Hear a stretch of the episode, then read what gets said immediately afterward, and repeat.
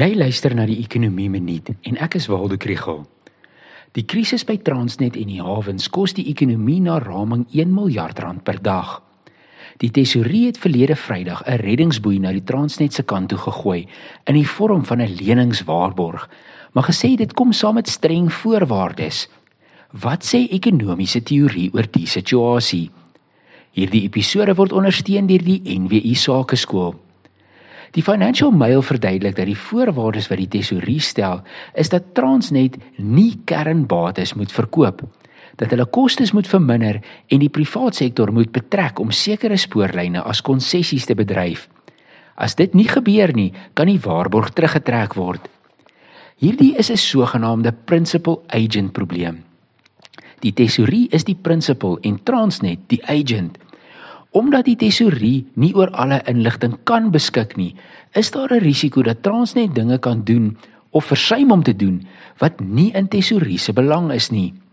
En daar is heelwat gevestigde belange in 'n organisasie soos Transnet.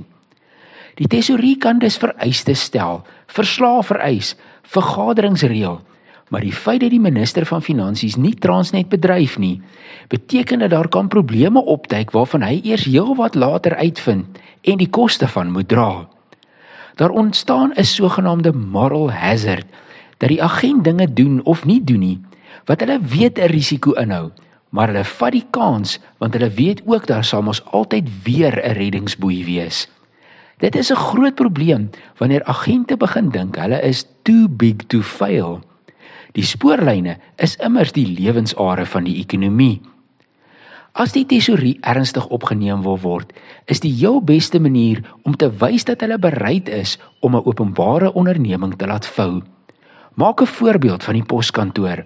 Skryf die skuld af, dank die mense af, maak die hele ding toe of privatiseer dit sodat Transnet en Eskom kan besef ons almal is ernstig oor daardie voorwaardes en die hervormings wat moet gebeur.